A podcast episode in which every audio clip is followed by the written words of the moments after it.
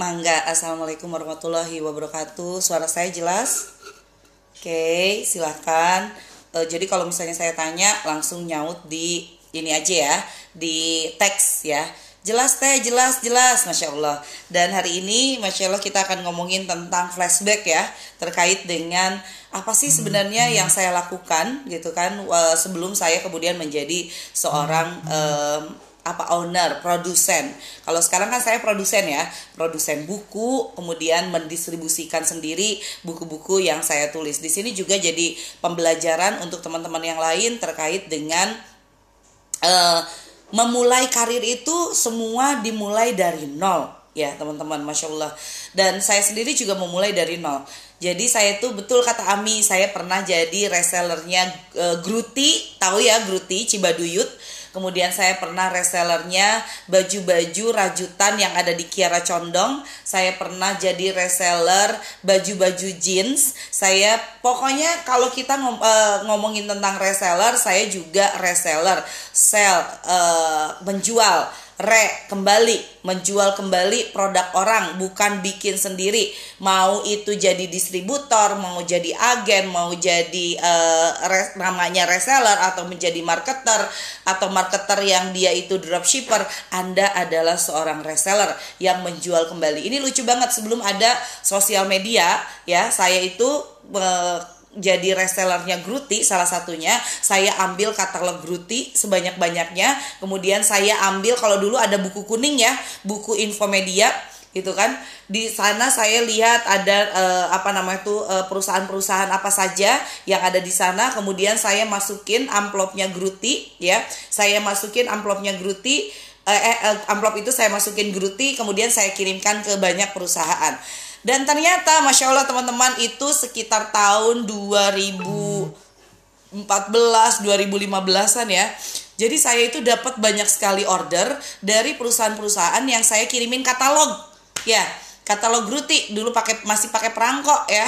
Dan orderannya itu nggak kira-kira 30 pasang sepatu, 50 pasang sepatu, 100 pasang sepatu gitu kan. Dan di sana itu biasanya eh, saya itu akhirnya bekerja sama dengan koperasi perusahaannya, koperasi perusahaannya sehingga akhirnya koperasinya yang bayar cash ke saya dan kemudian mereka mengkreditkan kepada eh, apa namanya itu karyawan-karyawan yang ada di mereka. Jadi kalau kita ngomongin tentang reseller teman-teman sama dengan uh, bisnis-bisnis yang lainnya, kita harus benar-benar uh, percaya diri dengan apa yang kita jual ya. Jadi waktu itu saya sangat percaya diri bahwa Gruti itu adalah salah satu um, apa ya sepatu yang uh, kualitasnya Yahud Ya, kemudian saya juga kirimkan nih bukan hanya ke kantor-kantor, tapi saya juga kirimkan ke saudara saya yang ada di Bali, yang ada di Ponorogo, yang ada di mana dan yang di Bali itu akhirnya jualan juga gruti. Masya Allah teman-teman.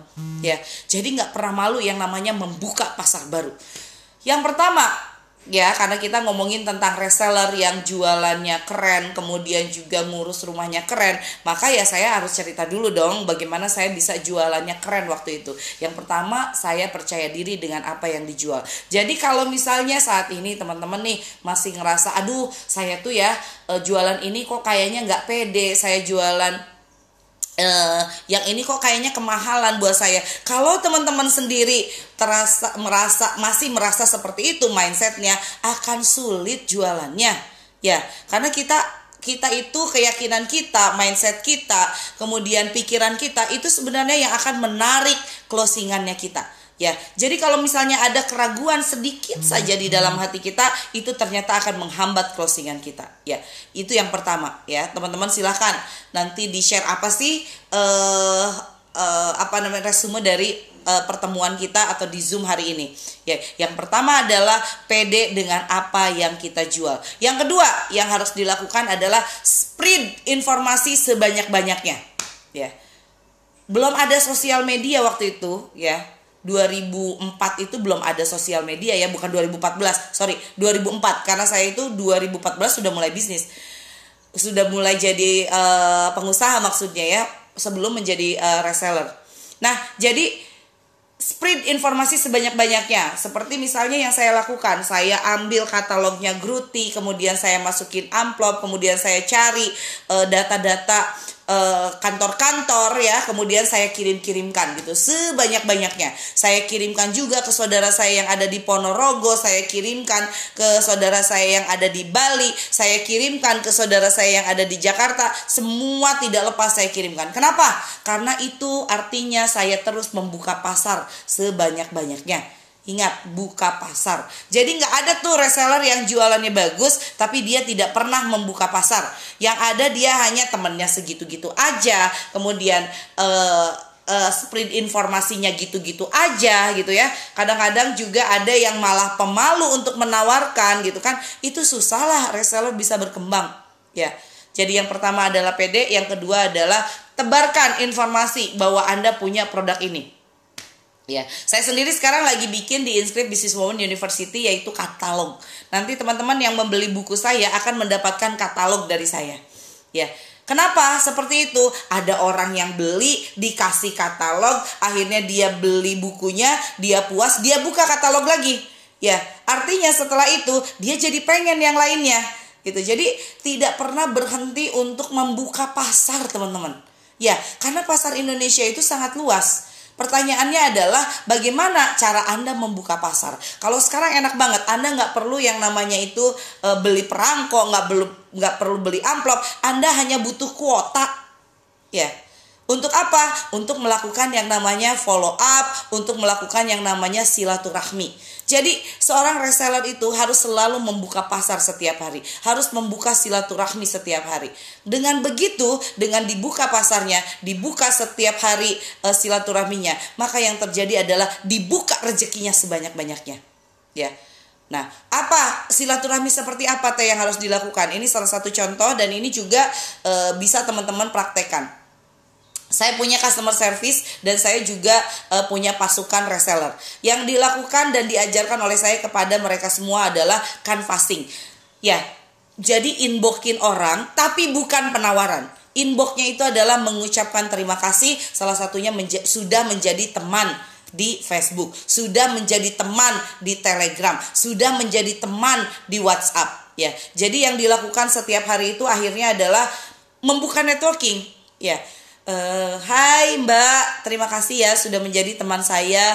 Ini alhamdulillah ada ada ibu yang bisa Mbak baca. Semoga uh, bisa bermanfaat dari siapa gitu ya ya dibuka silaturahminya ditargetkan setiap hari itu saya harus buka networking saya harus buka silaturahmi harus add friend kemudian inbox dia itu berapa banyak setiap hari. Bahkan lucu nih ada uh, salah satu customer service saya dia masuk ke dalam grup-grup kemudian ada uh, anggota-anggotanya yang kemudian posting di sana maka yang kemudian dia lakukan adalah dia inbox.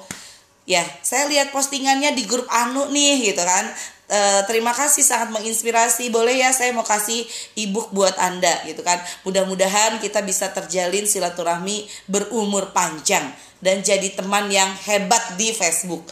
Kayak begitu teman-teman, dibuka terus setiap hari. Itu namanya spread information. Setiap hari kita memberikan informasi kepada sebanyak-banyaknya orang bahwa kita jualannya apa.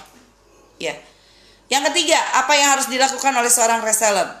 Spread value Teman-teman, saya kemarin baru baca buku Hermawan Kartajaya, salah satu pakar marketing di Indonesia, bukan hanya di Indonesia sih sebenarnya sudah dunia ya, pakar marketing di dunia.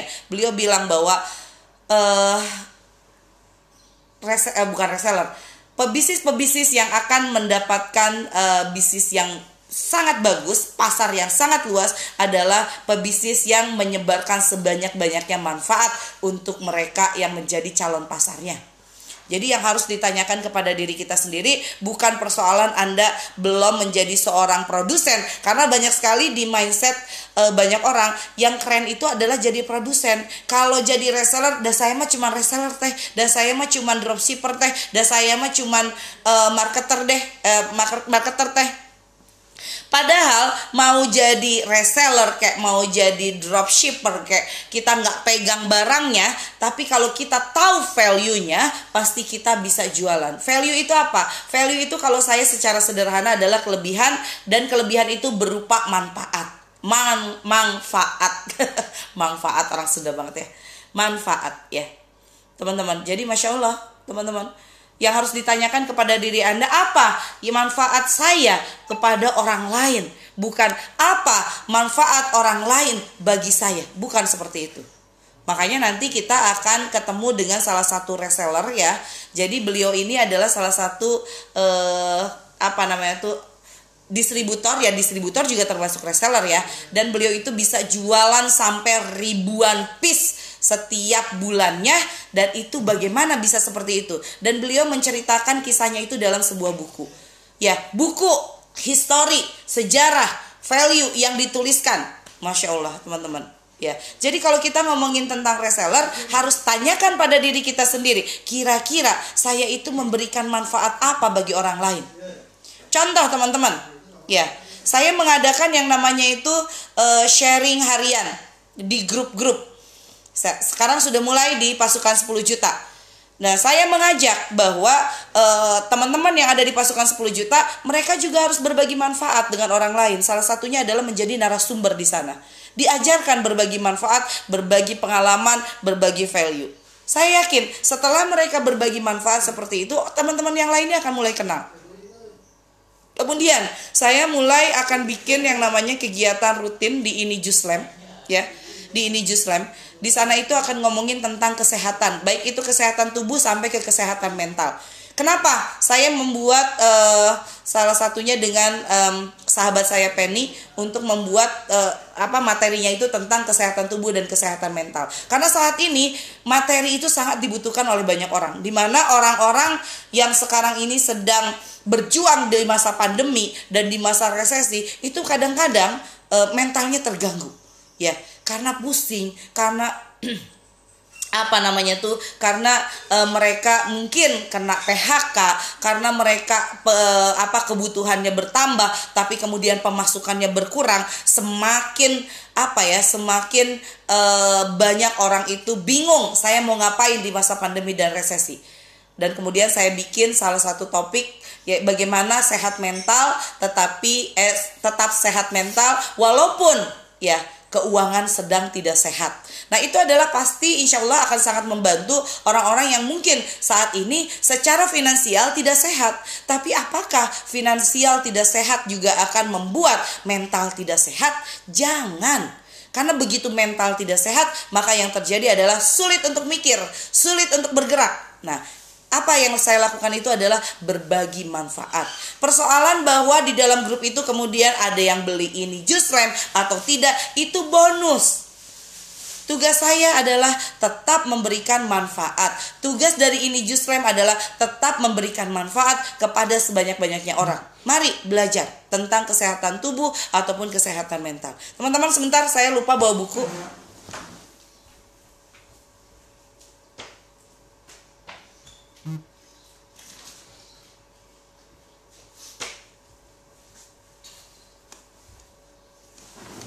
Sorry nah jadi masya allah teman-teman ya saya ulangi lagi yang pertama hmm. adalah harus percaya diri yang kedua, spread informasi terkait dengan produk Anda ke sebanyak-banyaknya orang dan Anda harus punya target setiap hari berapa orang yang akan Anda informasikan terkait dengan produk yang Anda jual. Tapi dimulai dengan silaturahmi. Jadi bukan dengan langsung uh, tawarkan produk ya, tidak perlu seperti itu. Nanti kalau sudah silaturahmi di sosial media biasanya dia akan lihat postingan Anda. Nah, postingan Anda sudah dipenuhi cerita yang bikin mereka edik untuk membaca. Makanya saya bilang posting dulu cerita-cerita Anda sehingga mereka kenal branding Anda nancep, kemudian lahirlah trusting, baru kemudian terjadi closing. Jadi sama, teman-teman pun harus seperti itu, ya. Harus memulai uh, bisnis itu dengan apa ya? Saya cinta banget produk ini Ya, saya tidak ragu dengan produk ini. Kalau sudah seperti itu, aduh langkah itu menjadi sangat mudah. Jadi kalau misalnya teman-teman yang ada di sini masih ada ragu untuk menjual produk apa pun yang saat ini sedang teman-teman jual, buang rasa ragunya. Ya. Kemudian yang ketiga adalah menambahkan value-nya.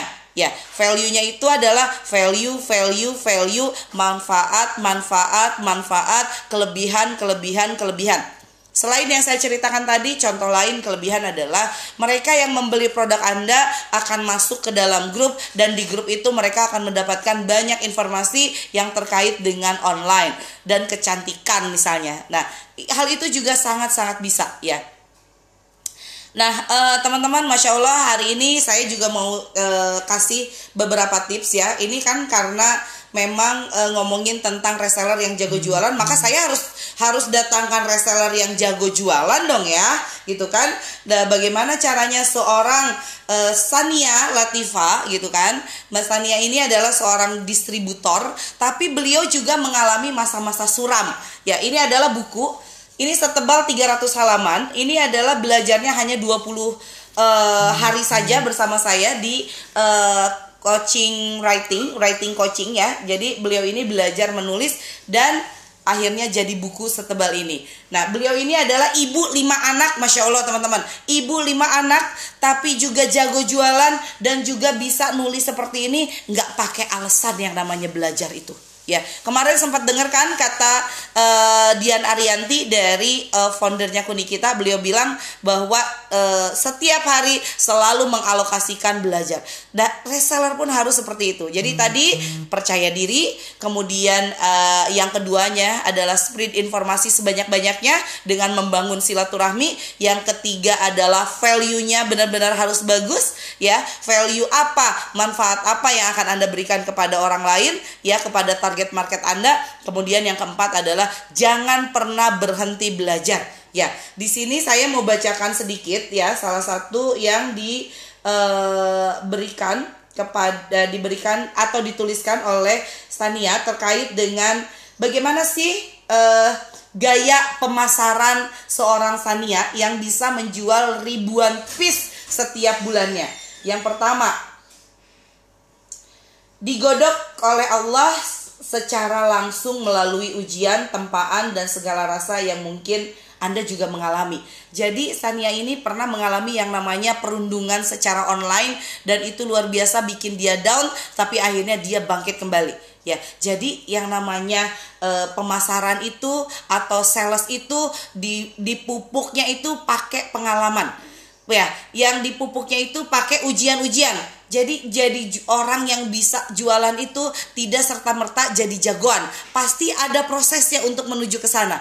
Kemudian yang kedua, memetakan mimpi. Nah, ini juga sudah saya ajarkan bagaimana teman-teman bisa memetakan mimpi. Ya, bagaimana teman-teman memulai dengan punya impian yang besar sehingga itulah yang membuat kemudian teman-teman merasa uh, tidak ada satupun halangan yang akan membuat teman-teman down. Karena apa? Teman-teman punya mimpi besar yang harus dikejar. Kemudian uh, berani memulai selalu memulai, selalu memulai dan selalu memulai. Jadi jangan pernah takut untuk memulai sesuatu. Jangan pernah takut mengeksekusi ide-ide yang ada di kepala Anda karena gudangnya uh, pencapaian itu adalah ketika Anda mengeksekusi ide.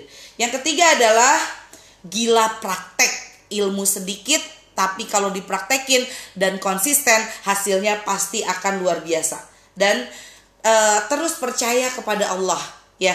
Kemudian yang keenam, learning by doing. Belajar sambil melakukan. Gak ada orang hebat yang dia lahir tiba-tiba menjadi hebat.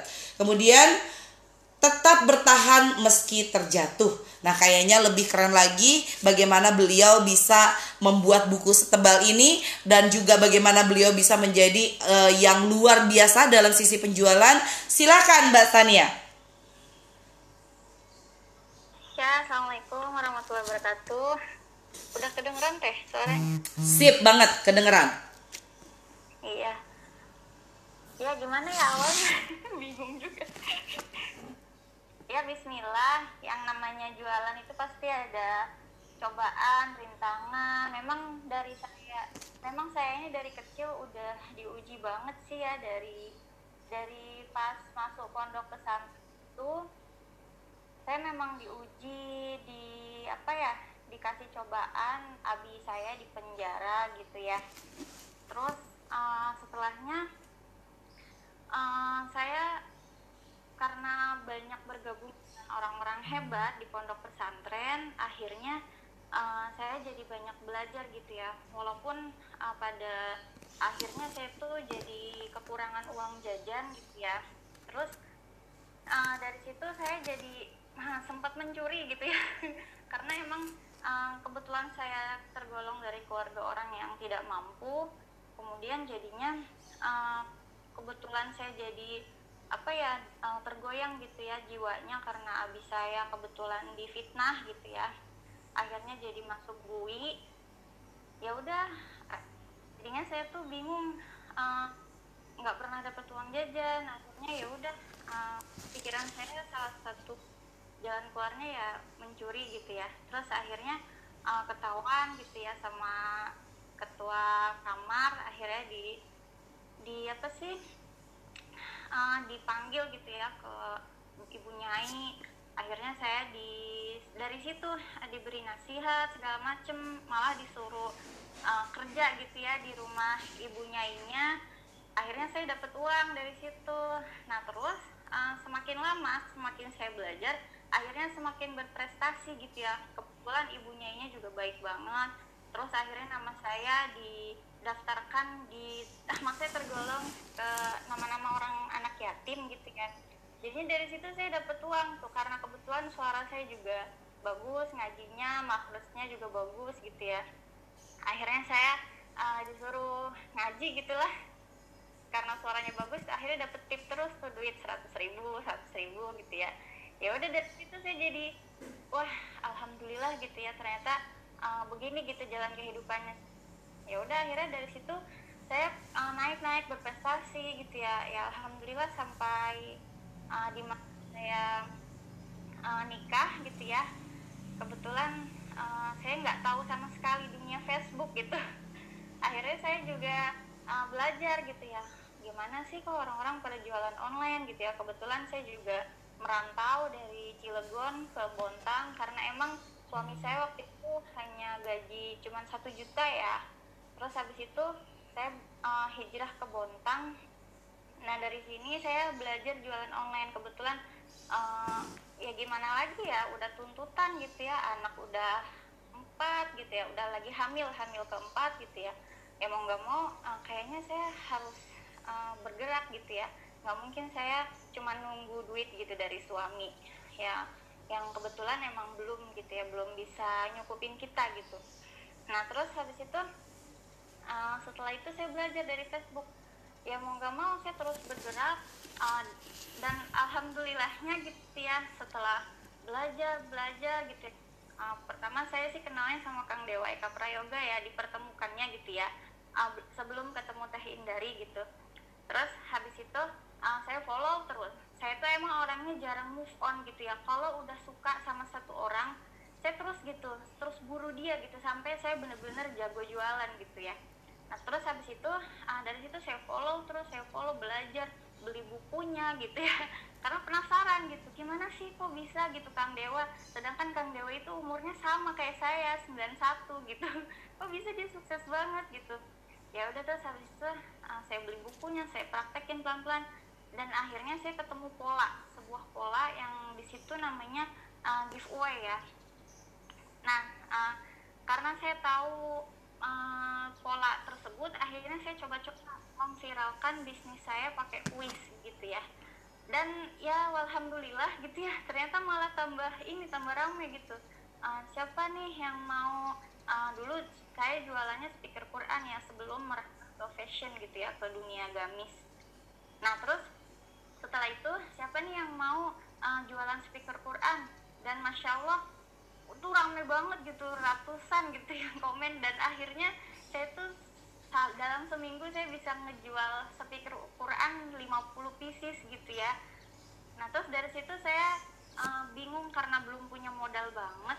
Akhirnya saya tuh um, bilang gitu sama ownernya gitu ya bilang kalau saya tuh uh, pengen dapat komisi gede tapi uh, saya pengen uh, apa sih pengen ngerangkul orang-orang yang di bawah saya gitu kayak marketer saya pengen ngasih komisi gitulah buat dia gitu pengen nolong gitu pengen nolong orang-orang yang ada yang udah ngikutin saya gitu ya. Ya udah akhirnya dikasih tuh komisi lima puluh ribu terus akhirnya uh, pengiriman tetap gitu ya dari Makassar waktu itu ya. Nah dari situ ya mulai dicoba gitulah. Namanya speaker Quran kan ada masalah ya dari gendang telinganya itu kan gendang speakernya tuh yang apa sih speakernya itu ya teh? Iya. jadi dia tuh kayak pecah gitu sebelah gitu. Padahal udah kirim gitu pakai bubble wrap udah diusahain gitu ya. Tapi tetap aja begitu ya udah akhirnya uh, saya agak down. Terus akhirnya merambah ke apa sih ke dunia fashion. Coba-coba jadi agen. Saya juga kalau jadi agen itu nggak bisa move onan orangnya. Kalau udah suka sama satu saya tuh fokusin gitu. Sampai saya bisa menjual ratusan sampai ratusan gitu saya bisa berhasil ngejualin gitu ya. Emang saya tuh orangnya nggak bisa move on akhirnya uh, Nanti nggak move on dari teteh loh. giveaway gitu ya. Terus ngadain kuis. Uh, pokoknya apa ya dapat duit dari suami coba ah kasih gitu seratus ribu hitung hitung sedekah gitu.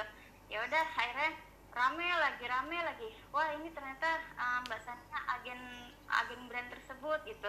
Akhirnya pada dateng marketer dateng semua dateng gitu ya akhirnya kayak saya yang dikejar-kejar. Dan dari situ saya mulai belajar um, bentuk personal branding gitu ya. Dari situ saya mulai belajar untuk bercerita gitu. Terus akhirnya saya simpan gitu ya cerita-cerita itu di Facebook. Ya akhirnya jadi di, ini gitu. Karena saya suka nulis terus akhirnya uh, setidaknya ada sejarah inilah sejarah penjualan saya ini ditulis terus bisa bermanfaat buat teman-teman gitu ya terus habis itu dari situ um, agak goyang tuh pas uh, tahun berapa ya? 2000 2018 2019 agak goyang. Uh, saya tuh jualannya lumayan bingung gitu ya. Palu gada ya kata orang-orang mah. Dari agen yang jilbabnya besar kemudian ke jilbab yang kecil gitu. Dari situ malah uh, ini bingung pasarnya gitu. Jadi agak berantakan. Akhirnya uh, saya jadinya bi- be- bentuk sebuah tim terus rekrut admin gitu ya alhamdulillah berhasil juga. Terus habis itu saya coba lagi jualan mukena. Alhamdulillah laris juga teh gitu. Oh ternyata begini polanya gitu.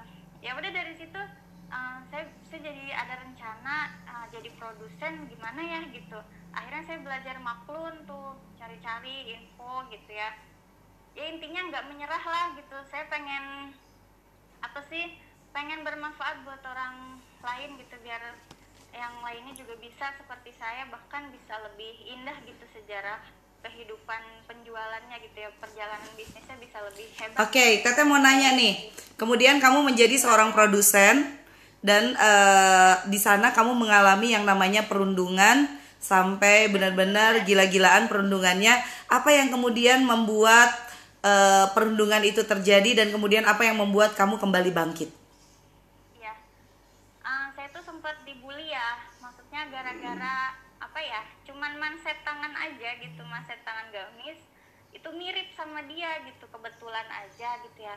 Ya walaupun memang dia public figure saya sih waktu itu saya memang seneng sama brand dia kagum gitu ya. Kemudian nggak tahu dari situ jadi omongan gitu. Hmm, ya namanya ah, apa sih dibilang ngerebut pasar apalah gitu di jadinya ya apa ya bingung ceritanya kalau soal ini. Ya, ta- tapi yang terjadi adalah di sosial mediamu jadi rame banget bahwa kamu ini adalah orang yang eh, merebut pasar, kemudian juga eh, apa namanya tuh pokoknya eh, cari uang dengan eh, tidak halal lah kayak begitu. Nah, bagaimana kemudian kamu bangkit dari perundungan ini yang ramenya minta ampun? Karena saya yakin banyak sekali ibu-ibu di sini. ya situ Oh, oke. dikuatkan gitu ya kan kamu harus kuat gitu ya insya Allah uh, dua minggu paling setelah itu paling udah surut lagi gitu ya Uh, sayang san kamu punya tim banyak itu mau berhenti gitu ya katanya gitu terus akhirnya saya uh, saya bilang gitu ya ke suami gitu gimana? gitu ya. Akhirnya uh, mau nggak saya takut banget yang namanya harta nggak halal itu. Saya sedekain aja semualah itu uh, ratusan pieces gitu ya gamisnya. Saya sedekain. Ya akhirnya uh, dari situ saya coba bangkit lagi gitu bagi-bagi lah. Uh, nongolnya itu tiba-tiba bagi-bagi gitu ke Facebook. Nah dari situ uh, setelah bagi gamis gitu ya ratusan pieces akhirnya dari situlah mulai saya bangkit lagi memperbaiki lagi personal branding. Tapi saya tanpa menjelaskan kalau saya ini uh, apa sih kalau saya ini benar gitu enggak enggak. Saya uh, nor apa sih sengalirnya saya aja lah gitu. Jualan cerita gitu jualan cerita terus uh, bikin orang-orang semangat gitu kasih motivasi gitu ya kadang orang kalau bilang ih mbak Sania kalau kasih motivasi tuh menjelit banget gitu bikin orang ketampar gitu. Padahal sih itu ke uh, apa sih kejadian hidup saya aja gitu. Terus akhirnya dari situ uh, karena saya udah posisi sebagai produsen coba-coba tuh akhirnya saya uh, uh, ngelihat wah waktu itu ya tahun 2019 baru kemarin. Kang Dewa tuh lagi seneng-senengnya apa sih uh, ngadain lomba gitu loh akhirnya saya udah apa sih mungkin karena udah personal brandingnya udah kebentuk bagus juga gitu ya terus sudah dipercaya banyak orang akhirnya mungkin ngebantu Kang Dewa untuk ngeviralin bisnisnya dia akhirnya saya jadi pemenang gitu ya jadi pemenang inti. Dapat tiket umroh terus dapat tiket workshop senilai 9,7 juta. Ya polanya itu aja sih maksudnya uh, personal brandingnya terus banyak dipercaya orang punya tim banyak begitulah polanya sih Oke, okay. oke. Okay, sekarang uh, sekarang ke buku nih. Uh, apa yang kemudian membuat dirimu kontak Teteh dan kemudian pengen membukukan pengalamanmu yang luar biasa sampai 20 hari itu bisa 300 halaman lebih. Ini ada sorry.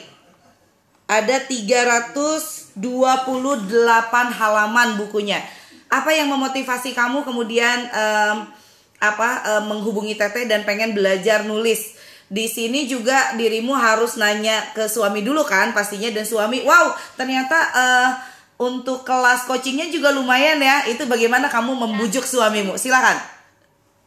Ya pada awalnya kan saya ngomong gitu ya um, Kang itu gimana gitu pengen banget tahu jadi penulis. Dari dulu saya tuh emang pengen dan jadi penulis waktu itu saya pernah ikut lomba ya waktu saya uh, kelas 2 SMA ya saya tuh punya karya tulis gitu ya. Terus uh, tapi nggak menang gitu.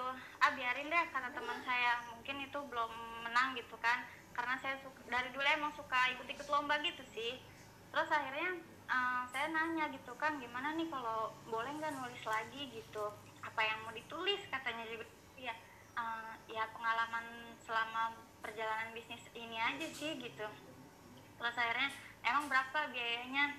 Nah, sekian gitu ya. Terus habis itu kata suami aduh gede banget. Ya udah ya udah deh uh, dicoba aja Bismillah. Kebetulan kan lagi pandemi suami banyak di rumah. Akhirnya beliau yang jaga lima limanya tuh bocil. Ya udah akhirnya uh, Bismillah aja deh. Jadi tiap malam saya tuh uh, ngerangkai kata kebetulan uh, saya tuh nulis cepet karena memang saya tuh setiap ada kejadian peristiwa yang bikin apa ya bikin hati saya ya itu saya tuh tuh karena emang suka nulis jadinya udah saya peta-petakan gitu ya. Uh, siapa siapa tahu nanti bisa punya buku gitu. Ya saya saya posting di Facebook ramai juga di Facebook gitu. Ya apalagi yang waktu saya curhat tentang dibully itu lebih rame like itu sampai 200an malah malah jadi ya Allah Tasania ya Allah Mbak San bla bla bla gitu. Biasa lah itu mah. Uh, alhamdulillah sejauh ini sampai di titik ini saya berada di posisi ini udah tau lah. Kalau misalnya ada yang merasa jiplak apalah gitu sekarang udah ah bodo amat gitu cuek aja sekarang. Alhamdulillah udah di posisi itu gitu ya kayak gitu aja sih oke okay, jadi uh, di, di di dalam buku ini apa saja yang kamu ceritakan San? Di sini juga sebenarnya teman-teman banyak sekali tipsnya ya. Tapi coba tolong resumekan bagaimana caranya kita sebagai reseller atau penjual produk orang itu bisa menjual sampai ribuan piece.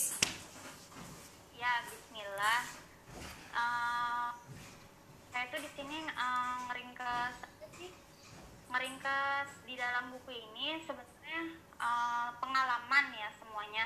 Dari sukses jualan tanpa modal jutaan gitu ya. Dari saya kepepet banget. Kemudian uh, saya juga ngeresum bagaimana saat penjualan saya menurun. Kemudian saya tingkatkannya lagi uh, tim saya bina terus gitu ya tim saya. Kemudian saya coba jualan pakai dada terus akhirnya uh, bisa gitu ya uh, ngelola itu semua alhamdulillah gitu ya di berbagai brand baik dari mukena gamis. Kemudian uh, setelahnya saya tuh uh, gitu ya uh, dari apa sih selalu sharing gitu ya. Selalu sharing ketagihan sharing terus habis itu saya menyadarkan teman saya gitu ya, biar mereka tuh mau terus bergerak gitu ya. Kadang ada yang ngeluh gitu kalau misalnya gak closing. Terus saat itu uh, dia ngeluh. Tapi saya semangatin lagi gitu ya karena uh, saya sukanya memotivasi.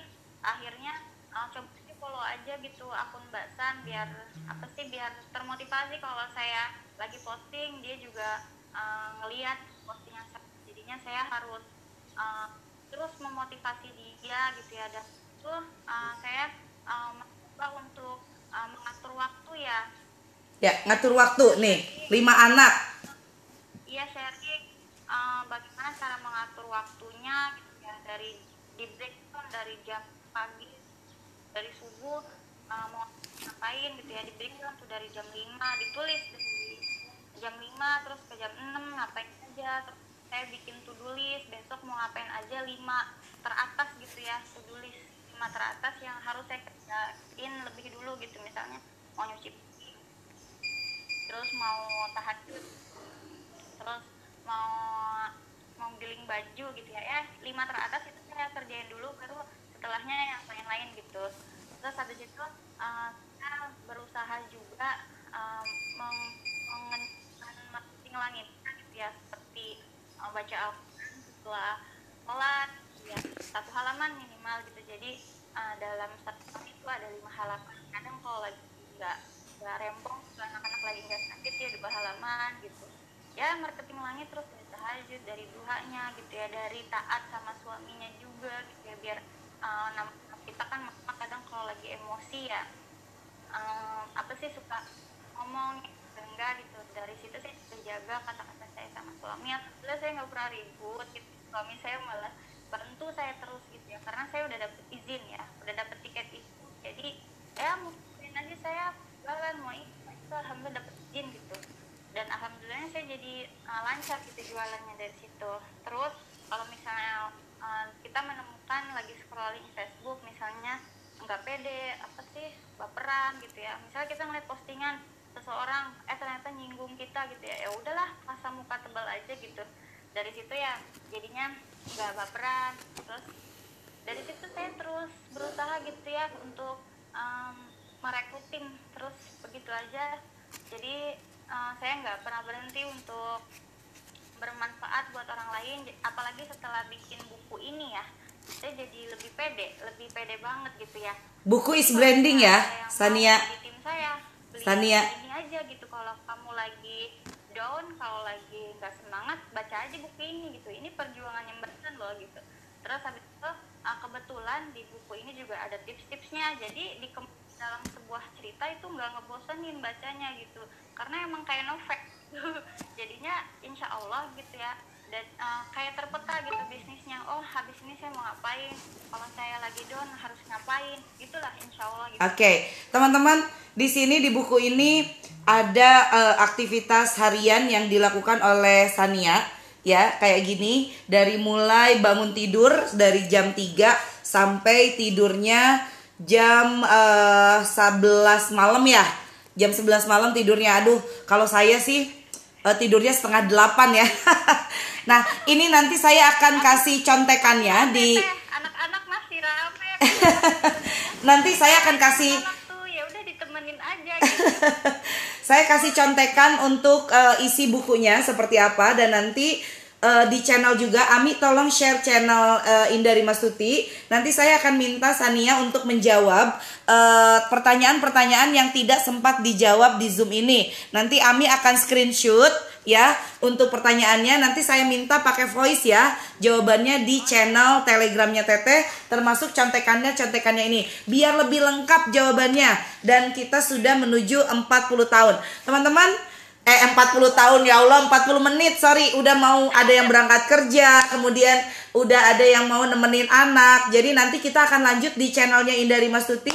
Silakan Ami di share channelnya Indari Mastuti. Nanti Sania akan sharing juga di channel Indari Mastuti. Semuanya akan masuk ke channel Indari Mastuti dan eh, teman-teman uh, akan belajar uh, lebih banyak lagi. Termasuk kalau mau beli bukunya ke mana? Beli bukunya nanti ke Mbak Sania langsung ya gitu kan? Tidak dijual di uh, jaringan kami tapi dijualnya lebih banyak di penulis. Dan ini adalah salah satu fasilitas yang diberikan oleh uh, Inscript untuk mereka yang mengikuti kelas uh, private untuk penulisan buku dan uh, buku dari doyan gratis jadi pebisnis ini adalah yang saya recommended banget ada yang nanya kalau kelas private-nya Teteh itu berapa harganya? Ya kan belajar 20 hari dengan saya, kelasnya itu seharga 2,5 juta. Nanti itu bisa hubungi ke teman-teman yang lainnya. Terima kasih uh, Sania untuk hari ini kita lanjut di Telegram Teteh ya, Masya Allah luar biasa sama-sama. Bisa bicara di sini,